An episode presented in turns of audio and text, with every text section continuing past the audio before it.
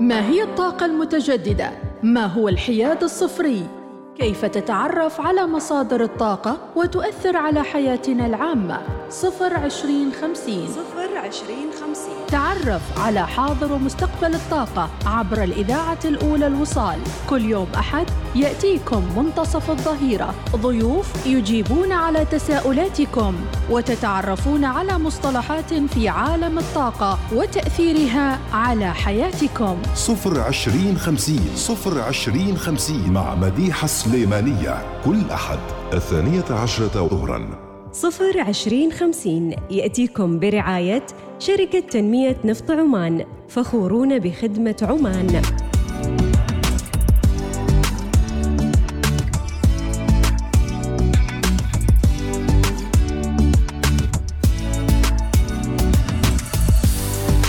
بسم الله الرحمن الرحيم. أسعد الله أوقاتكم بالخير والبشر والبركة. حياكم الله مع حلقة متجددة من برنامجكم البي اي 02050 هذا البرنامج الذي يركز على الحياد الصفري في سلطنتنا الغالية مع ربطها برؤية عمان 2040 وأيضا الأوامر السامية من لدن مولاي جلالة السلطان حفظه الله ورعاه بالوصول الحياد الصفري في عام 2050 بإذن الله تعالى.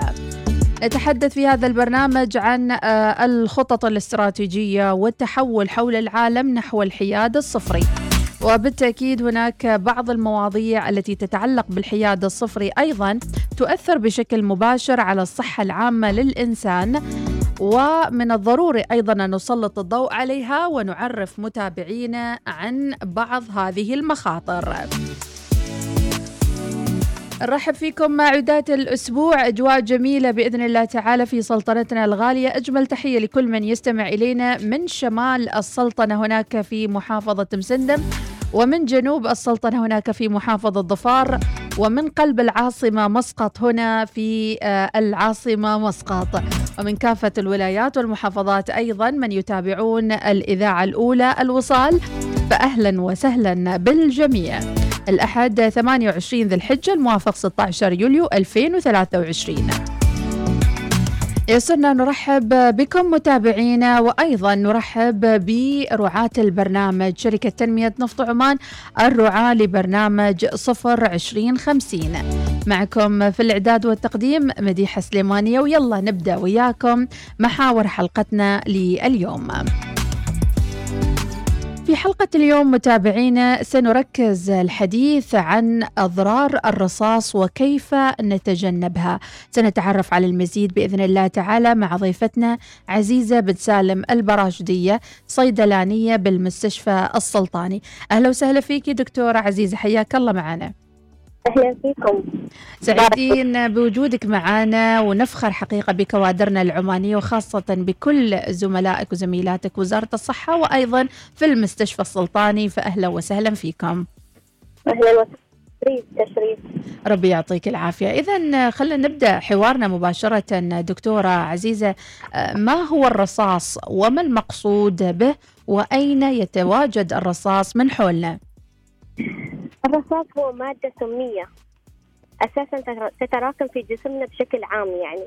في أجهزة ويتوزع الرصاص في الجسم على الدماغ والكبد والكليتين والعظام لكن يتخزن مينلي في العظام والأسنان. لكن مع مرور الوقت يعني يصير له تراكم في بعض أجزاء الجسم. ومع مع هذا التراكم في فحوصات دورية تجرى للمريض نعرف إنه صار له تراكم بسبب الشيء الفلاني يصير في نفس الاستبيان اسئله للمريض نسأله وش اللي آه يعني وين تتعامل ويش وين تشتغل مثلا؟ وش الآلات اللي تتعامل معاها؟ وش يعني المؤثرات البيئية اللي ممكن أثرت لتراكم الرصاص في جسمك لهذا الحد؟ طبعا إحنا ما لا يوجد معنا مستوى معروف من التعرض للرصاص لأنه يعتبر امنا. إلا إذا تراكم مع مرور السنوات. نعم. وفي وقاية من تسمم بالرصاص أين يكون هذا الرصاص الضار موجود من حولنا؟ آه، هل هو فقط لدى كبار آه، العاملين في مجال معين أم حتى موجود في آه، نطاق الأطفال أو حتى كبار السن؟ لا موجود في واجد أماكن منها نقدر نقول في ألعاب الأطفال في بعض ألعاب الأطفال فيها رصاص. نعم. وطلاء طلاء المنازل أو الطلاء بشكل عام. يعني إحنا دائما نقول إن رائحة الطلاء تسبب تسبب شيء في ال- في الرئة. مم. لكن مع هذا الرائحة هذه ممكن هتسمع انها تسبب تصنف الرصاص.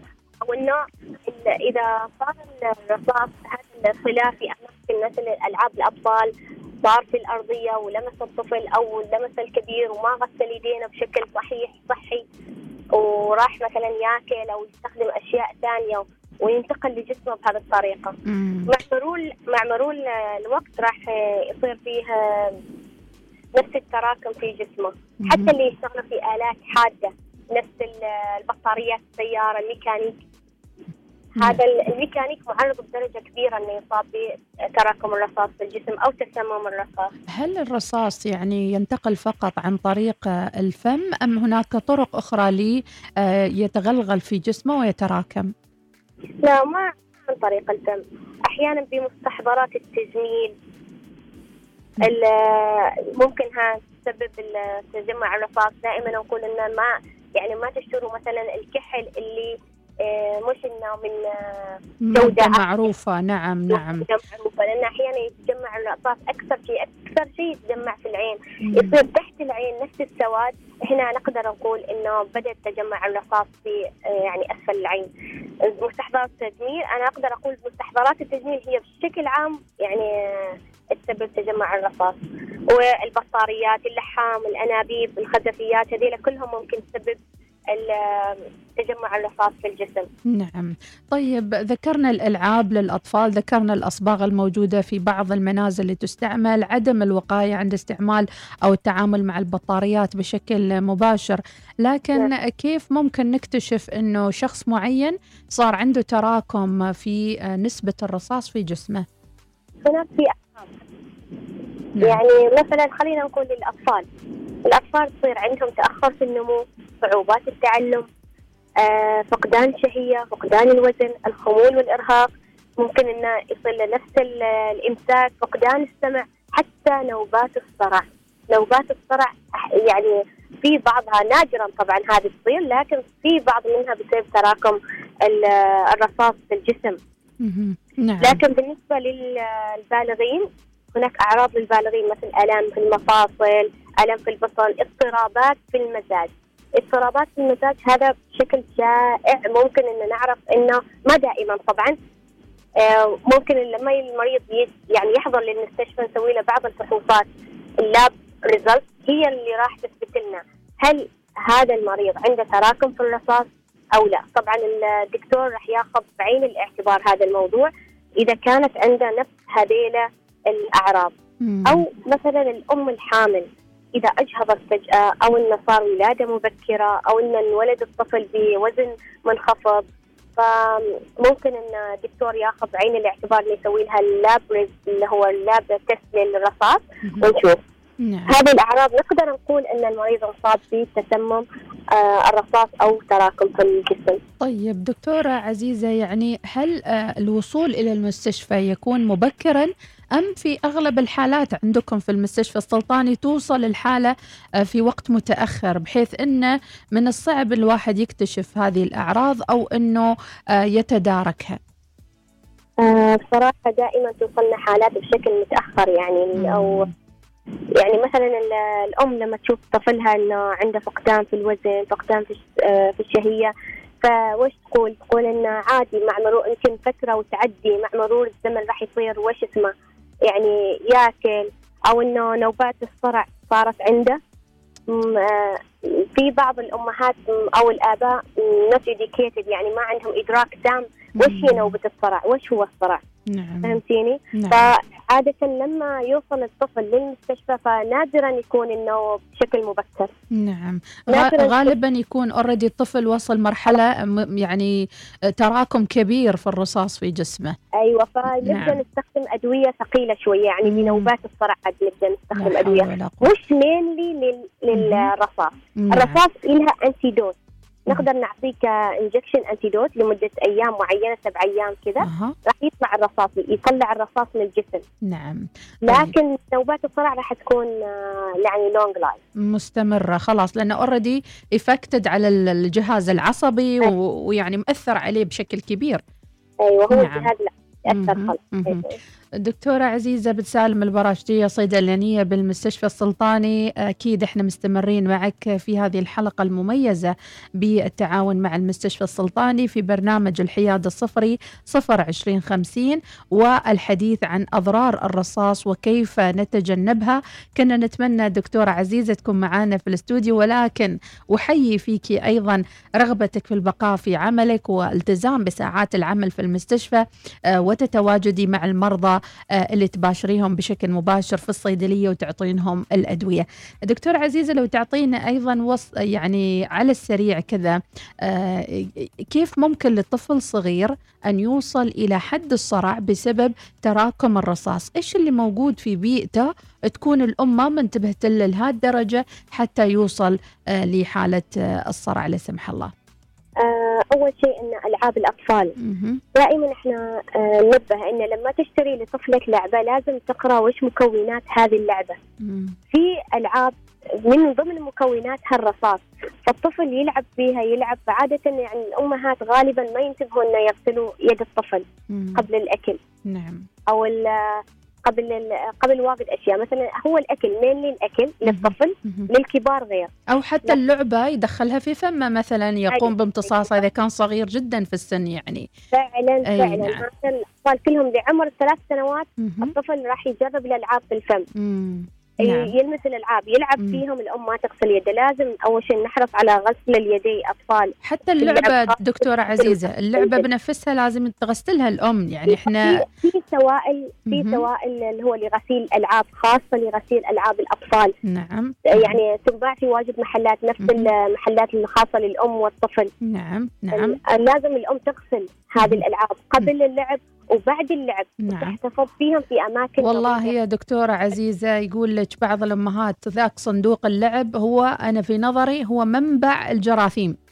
أيوه. لأنه في أمهات تقول لك أنا والله من يوم شريت هاللعبه عمري ما غسلتها سيدة على القمامة كرم الله أيوة. السامعين. لا في يوم في الأسبوع أو في بعد انتهاء من اللعب العميق مثلا مع الطفل تغسل هالالعاب توديها وتغسلينها وتنشفيها.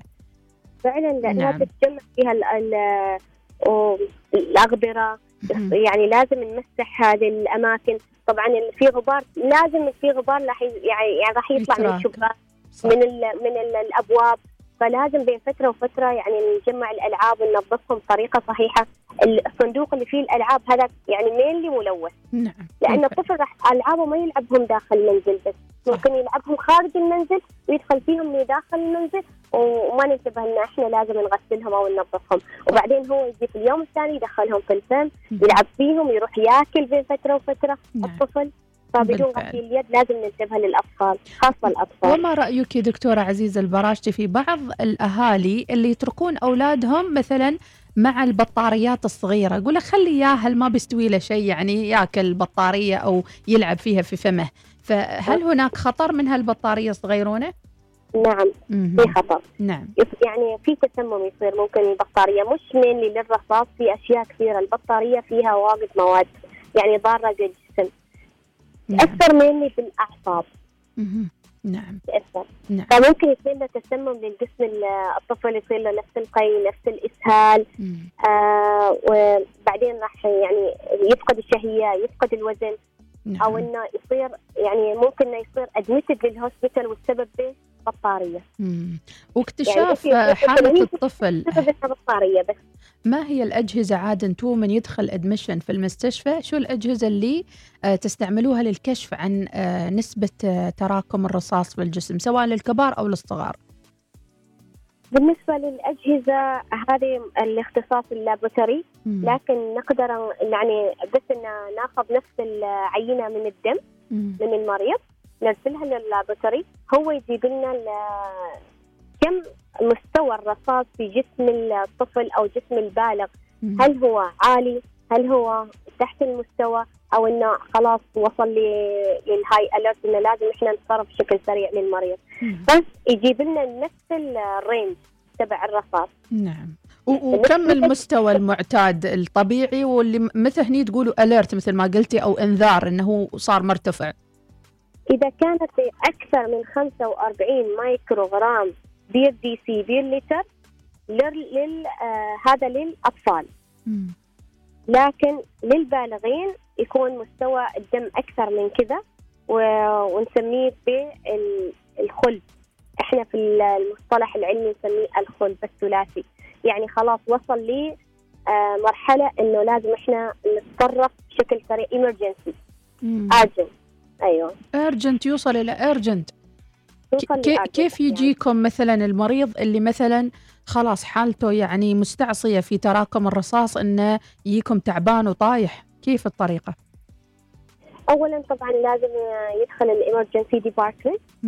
يشيك الدكتور اللي هناك وإذا كان الدكتور يعني خلاص آه، استصعبت عليه ال- الحالة صار إن المريض ما يستجيب لأي شيء صار إنه عنده خمول صار مثلا إنه عنده أغماء إذا وصل لدرجة الأغماء أو شيء بهذه الطريقة راح ينقله للجناح وطبعا إذا كان في الوقت ال- المساء الدكاترة ال consultant ما يكونوا مداومين.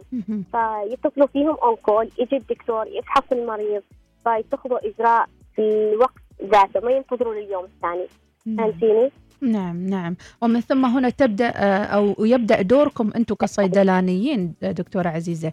فهنا عاد تع- تعطونهم مثلا آه، مغذيات ولا كيف تتخلصون من الرصاص؟ أيوه طبعا في عندنا جناح داخل الصيدلية يحضر المغذيات بشكل يومي للمرضى فإذا المريض احتاج إذا المريض مصاب بتسمم الرصاص احتاج لأحد من المغذيات بشكل خاص راح يتم تحضير هذا المغذي ويعطى للمريض. طبعا المغذي يتحضر على أيدي صيادلة مختصين. نعم. زين فيتحضر بشكل يومي له لحد ما تتخلص نخلص من المده مثلا إذا 14 يوم نحضر له بشكل يومي لمدة 14 يوم.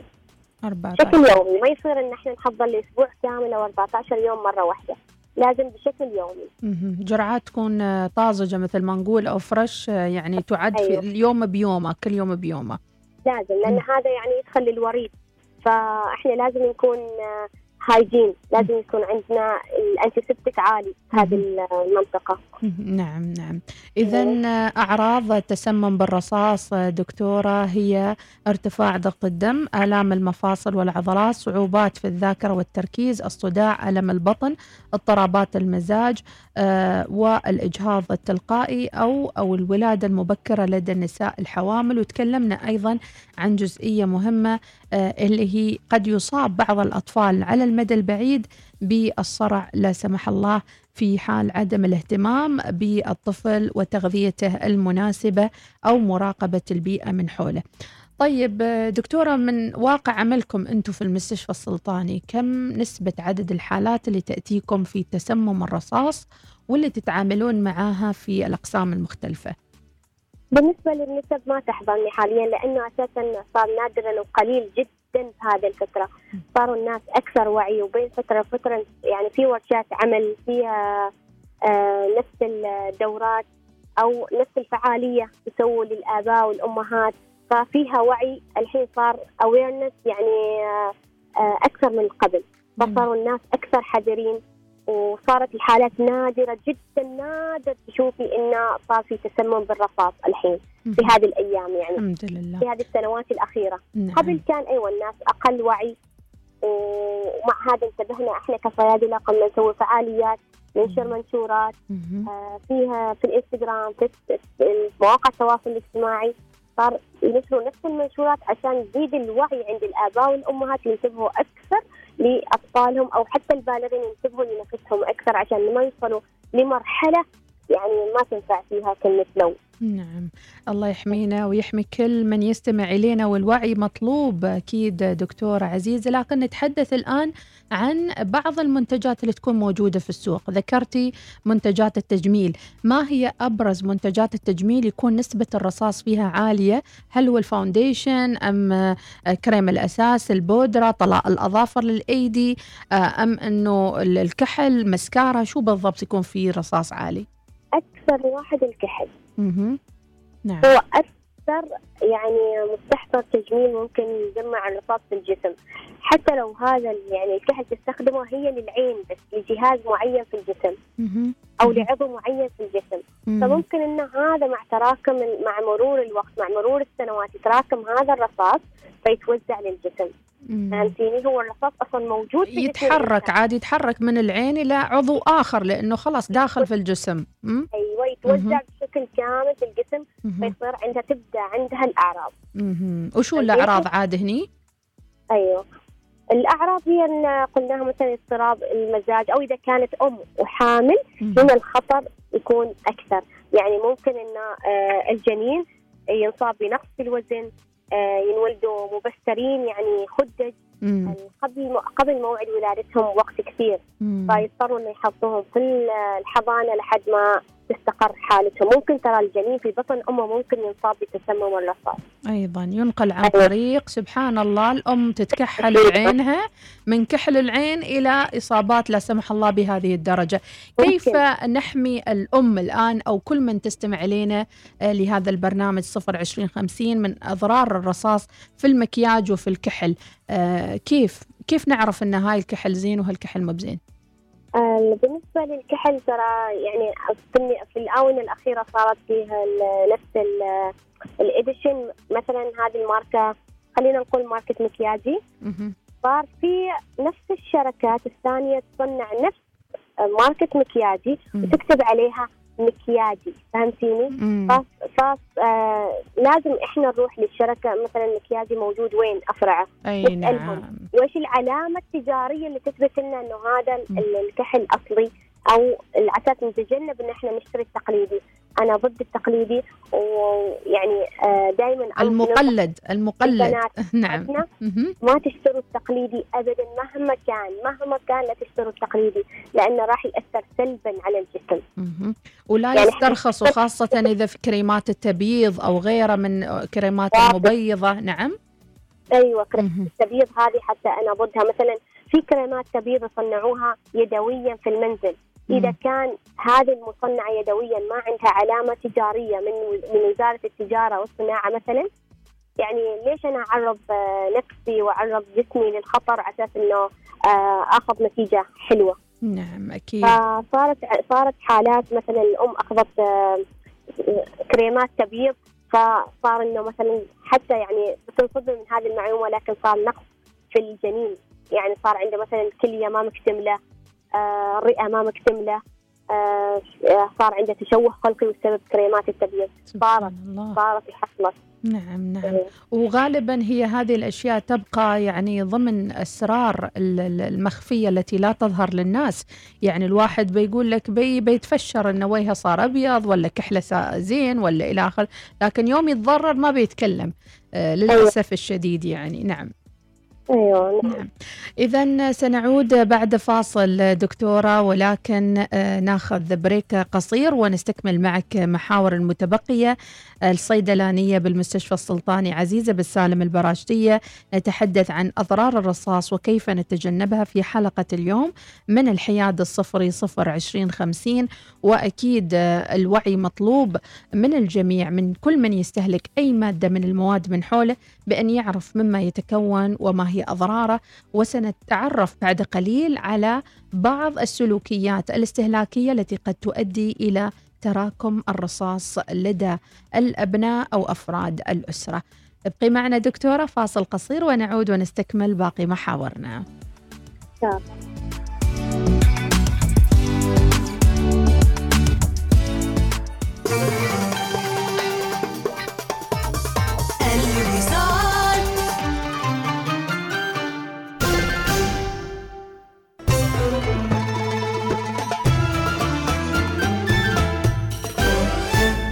الوصال الإذاعة الأولى ما هي الطاقة المتجددة؟ ما هو الحياد الصفري؟ كيف تتعرف على مصادر الطاقة وتؤثر على حياتنا العامة؟ صفر عشرين خمسين صفر عشرين خمسين. تعرف على حاضر ومستقبل الطاقة عبر الإذاعة الأولى الوصال. كل يوم أحد يأتيكم منتصف الظهيرة. ضيوف يجيبون على تساؤلاتكم وتتعرفون على مصطلحات في عالم الطاقة وتأثيرها على حياتكم. صفر عشرين خمسين صفر عشرين خمسين مع مديحة سليمانية. كل أحد الثانية عشرة ظهراً. صفر عشرين خمسين يأتيكم برعاية شركة تنمية نفط عمان فخورون بخدمة عمان. وبداية أسبوع سعيدة لكم متابعينا ويوم أحد جميل نتمنى لكم أينما كانت وجهتكم تستمعون وتتابعون الإذاعة الأولى الوصال. ونؤكد أن حلقاتنا أيضا يمكنكم متابعتها عن طريق البودكاست الخاص بالإذاعة الأولى الوصال. يمكنكم أيضا عبر موقعنا الإلكتروني على www.wisal.fm أن تستمعوا إلى الحلقة آه، في أي وقت وفي أي مكان سواء في سلطنة عمان أو خارج السلطنة. نعود آه، ونرحب بضيفتنا الصيدلانية الأستاذة عزيزة البراشتية. عزيزة بن سالم حياك الله دكتورة مرحبا وسهلا فيكي. حياكم الله. يا مرحبا. ما ناخذ من وقتك كثير. الآن سنتعرف عن بعض الأمور الاستهلاكية التي قد تؤدي إلى الوصول أو وصول الرصاص آه، إلى جسم آه، الإنسان. ذكرتي المكياج. نتحدث الآن عن الطلاء آه، وصبغات المنازل. الطلاء وفي بالنسبة للطلاء دائما بعض يعني الناس يصبغوا بيتهم آه، عشان إنه يظهر مظهر حلو. لكن ينسوا آه، إن التنظيف بعد الطلاء هو أهم من الطلاء بالنفس.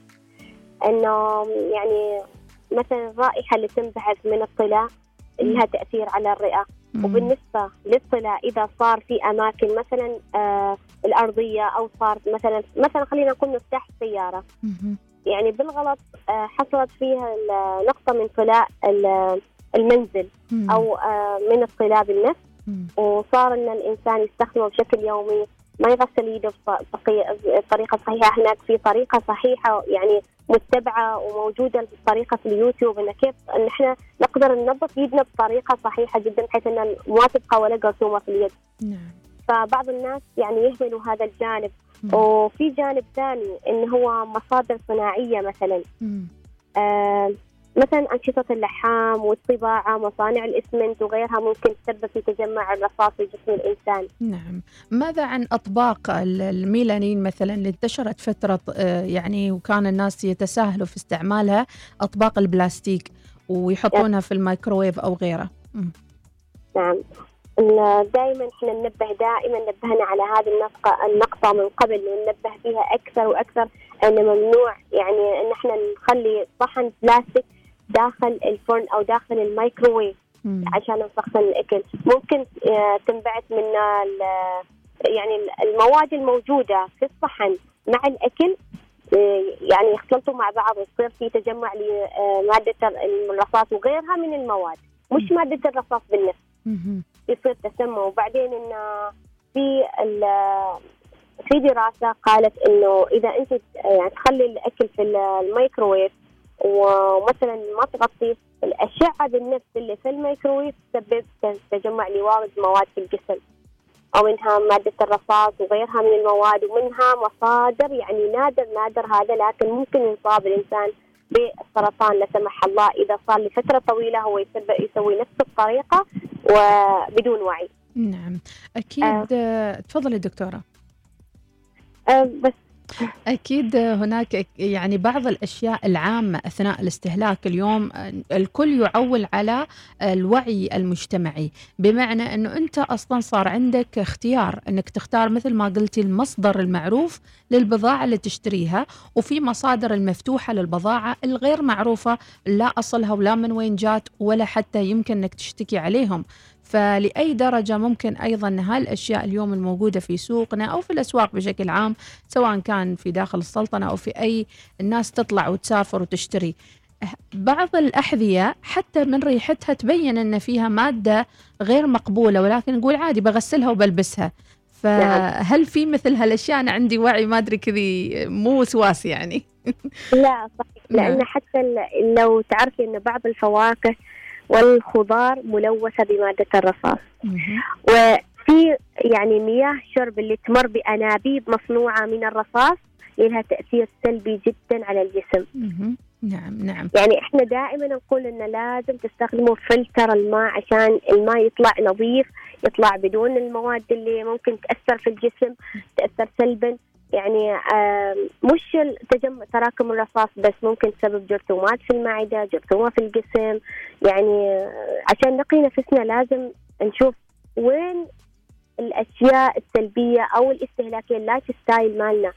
إحنا هل صحية أو انه بس انه كروتين صار إن إحنا بس انه يعني نقضي يومنا كروتين. لازم يصير أكثر وعي وما نستخدم المياه ما نستخدم الأنابيب المصنوعة من الرصاص. لما نشتري الفواكه والخضار ضروري جدا إنها تتغسل لأنه لاحظت إنه واجد ناس يعني يمروا مثلا أماكن ال- الخضار عادي ياخذ تفاحة مثلا وياكلها ولا ياخذ كمثرى وياكلها بدون غسيل أو يمسحها بس يعني كذي. على السريع وياكلها يعني نعم لا أيوه لاحظت هذا. الشيء. هذا الشيء ممكن ياثر سلبا فيها فيها نسبة رصاص على فكرة الخضار الفواكه فيها نسبة رصاص. بس ما كلها طبعا يعتمد على الأماكن والمصادر من وين جايبينها نعم.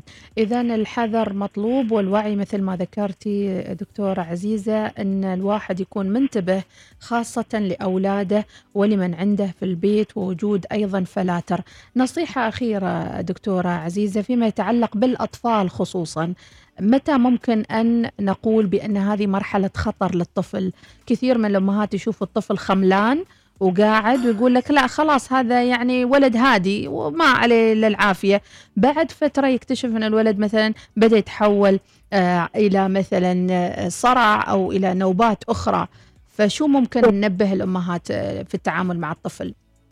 أول شيء إذا الأم لاحظت عليه بعض الأعراض اللي ذكرناها سابقا آه لازم تاخذ آه، تاخذها بعين الاعتبار وتستخدم مثلا التدابير البسيطة آه، في مساعدة يعني للمساعدة في حماية أسرتها في حماية طفلها من التسمم بالرصاص، إذا شافت الأعراض اللي ذكرناها سابقا على الطفل أو على البالغ ضروري جدا تاخذه سواء أكثر شيء فقدان الشهيه وفقدان الوزن وصعوبات التعلم ونوبات الصرع. هذول الأربعة الأعراض إذا شافتها على الطفل ضروري جدا تاخذ الإجراءات بشكل تام وتاخذه لأقرب مركز صحي أو مركز آه، أو مستشفى آه، عشان الدكتور يتابع حالته.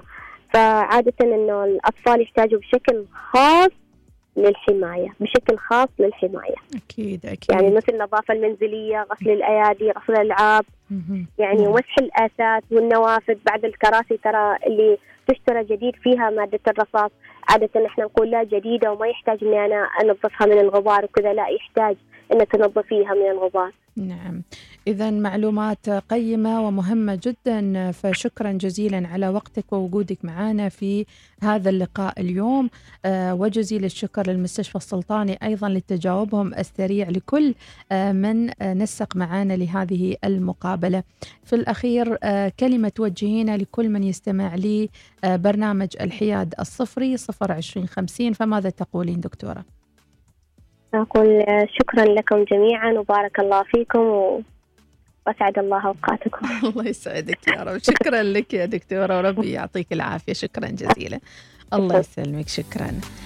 إذا حلقة آه، يمكن نقول عنها آه، يعني كشفت لنا الكثير من آه، الأسرار ومن الأمور يمكن عمرنا ما فكرنا فيها. صحيح آه، تصرفات بسيطة وموجودة حوالينا ولكنها تؤثر على الصحة العامة قد توصل إلى الإصابة آه، بأمراض خطيرة ويمكن تؤدي إلى تلف في بعض الأعضاء في الجسم. هذا المرض آه، يمكن نقول عنه صامت لا يظهر بطريقة سريعة ولكن آه، يعني يمكن تأثيراته تكون على المخ والكلى والجهاز العصبي يبطئ النمو يجعل التعلم صعب يضر بالسمع والكلام ويسبب مشاكل في السلوكيات العامة. قد يشعر البعض بضيق أو في آه، تغير في المزاج والحالة المزاجية انتبهوا خاصة من يعملون بشكل مباشر مع الجراجات وأيضا آه، البطاريات ويعني الغبار الملوث بالرصاص في المناطق العمل الحيوية يمكن نقول عنها. آه، سواء كانت الأصباغ أو الزجاج المشكل أو الألعاب وغيره نشكركم على المتابعة لحلقة هذا الأسبوع من صفر عشرين خمسين ونتمنى لكم الصحة والسلامة الدائمة ويمكنكم متابعة أيضا صفحة المستشفى السلطاني الذي يضع مجموعة من الرسائل التوعوية حول آه، معدن الرصاص وتجنب أضراره وأيضا الوقاية من الإصابة بأضرار تسمم الرصاص. شكرا لرعاة البرنامج شركة تنمية نفط عمان ونلقاكم الأسبوع القادم متابعينا هذه أجمل التحايا مني أنا مديحة سليمانية ونلقاكم على خير. ولا تنسوا اللايك والمتابعة لصفحة صفر عشرين خمسين على موقعنا الإلكتروني وعلى بودكاست الوصال. نتمنى لكم أسبوع مليء بالحيوية والتفاؤل متابعينا ونلقاكم الأسبوع القادم بحلقة جديدة من برنامج الحياد الصفري صفر عشرين خمسين إلى اللقاء ما هي الطاقة المتجددة؟ ما هو الحياد الصفري؟ كيف تتعرف على مصادر الطاقة وتؤثر على حياتنا العامة؟ صفر عشرين خمسين صفر عشرين خمسين. تعرف على حاضر ومستقبل الطاقة عبر الإذاعة الأولى الوصال. كل يوم أحد يأتيكم منتصف الظهيرة. ضيوف يجيبون على تساؤلاتكم وتتعرفون على مصطلحات في عالم الطاقة وتأثيرها على حياتكم. صفر عشرين خمسين صفر عشرين خمسين مع مديحة سليمانية. كل أحد الثانية عشرة ظهراً. صفر عشرين خمسين يأتيكم برعاية شركة تنمية نفط عمان فخورون بخدمة عمان. تابع آخر الأخبار المحلية وشاهد مقاطع فيديو حصرية على تطبيق الوصال. قم بتحميل التطبيق الآن من جوجل بلاي أو آب ستور